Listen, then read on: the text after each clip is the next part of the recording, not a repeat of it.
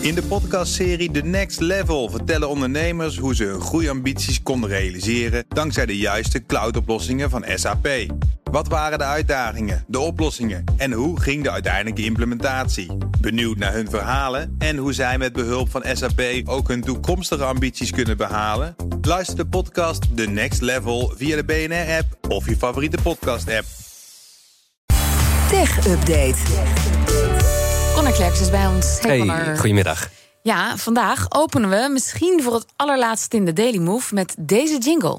Twitter versus Musk.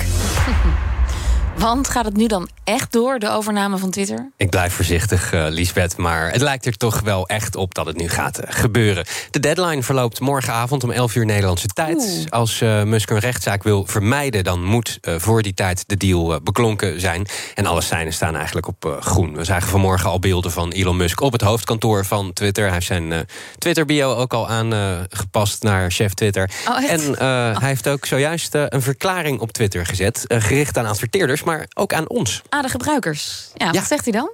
Elon Musk houdt van ons, Liesbeth. Fijn, hè? In een post, eh, post met drie plaatjes eh, vol tekst, eigenlijk gewoon een lang betoog... heeft Musk eindelijk een keer hardop gezegd waarom hij nou Twitter wil kopen. We hebben hier een half jaar lang eigenlijk Ja. een beetje naar lopen zoeken. Wat wil die man? Nu eh, heeft hij in elk geval gezegd wat hij er nu mee wil. Onder andere zegt hij, koopt hij Twitter omdat hij van de mensheid houdt... en het belangrijk zegt te vinden dat er een soort digitaal dorpsplein blijft bestaan... waar we dus met elkaar in debat gaan zonder dat we elkaar de hersens in hoeven te rammen. Musk schrijft dat er eh, in zijn visie nu een reëel gevaar is... eigenlijk dat social media in twee categorieën uiteenvallen. Eh, Een, een extreem rechtse variant en een extreem linkse variant. Lijkt mij iets overtrokken, maar eh, dat kun je vinden natuurlijk. Volgens Musk verdienen socials nu heel veel geld aan polarisatie... en dat ben ik dan wel weer met hem eens. Maar daardoor gaat de kans op een gezonde dialoog wel verloren. Verder schrijft eh, Musk dat eh, Twitter geen soort Wild Westen kan worden. Geen free-for-all hellscape, zegt hij. Waar je maar alles mag zeggen zonder dat er consequenties aan verbonden zijn. Maar juist eh, dat de wetten moeten worden gevolgd... en dat het platform warm en verwelkomend zou moeten zijn voor Oh, iedereen. wauw, een soort maar dit, vibe.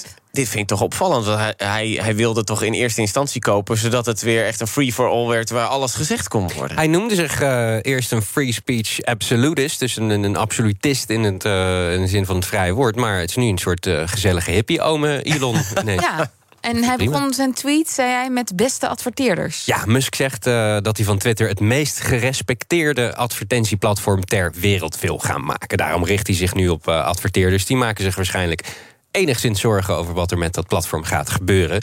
En hij zegt eh, dat om dat meest gerespecteerde advertentieplatform te worden, dat dat betekent dat de reclames die jij te zien krijgt ook echt relevant moeten worden. Hij noemt eigenlijk zeg maar ongetargete reclames noemt hij spam. En eh, een hele goede reclame die eh, aansluit bij jouw behoeften... zou je kunnen zien als content, zegt hij.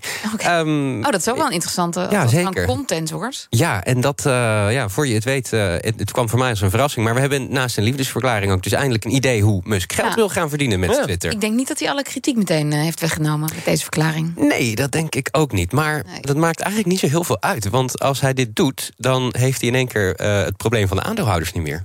Nee, dat hij, is dan, eh, hij heeft het dan gewoon Ja. gekocht. Hij had het van de beurs.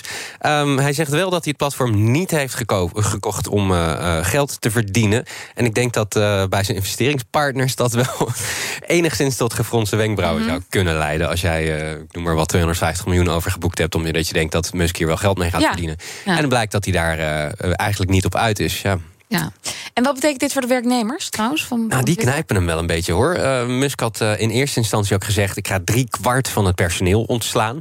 Daarvan zegt hij nu: dat ga ik eh, toch niet doen. Er zullen wel veel ontslagen vallen, gok ik zo. Niet drie kwart. Want als je de boel enigszins normaal wil laten draaien, dan zul je toch wel aardig wat ja. personeel moeten behouden om de systemen draaiend te houden en veilig te houden. En als je zegt: ehm, ik wil niet dat, dat je alles mag zeggen op Twitter, dan moet je ook mensen hebben die controleren wat er op Twitter gezegd wordt. En daar heb je best wel veel mensen voor nodig. Hmm. Eh, de top die zal er naar verwachting wel uitvliegen... met de CEO eh, Parag Agrawal als allereerste. Maar ja, die lui krijgen allemaal miljoenen mee... en een ontslagvergoeding. Dus daar hoef je niet heel veel medelijden mee. Nee, dat doen we niet. Maar, maar laatst was toch die chief, die ehm, eh, Pieter. Ehm, hoe heet Zetco, die, die, Ja, Mudge, die security onderzoeker. ja, die, die heeft, is laatst helemaal leeggelopen over de, de wantoestanden op de afdeling veiligheid bij, Ja, klopt, bij ja. Twitter.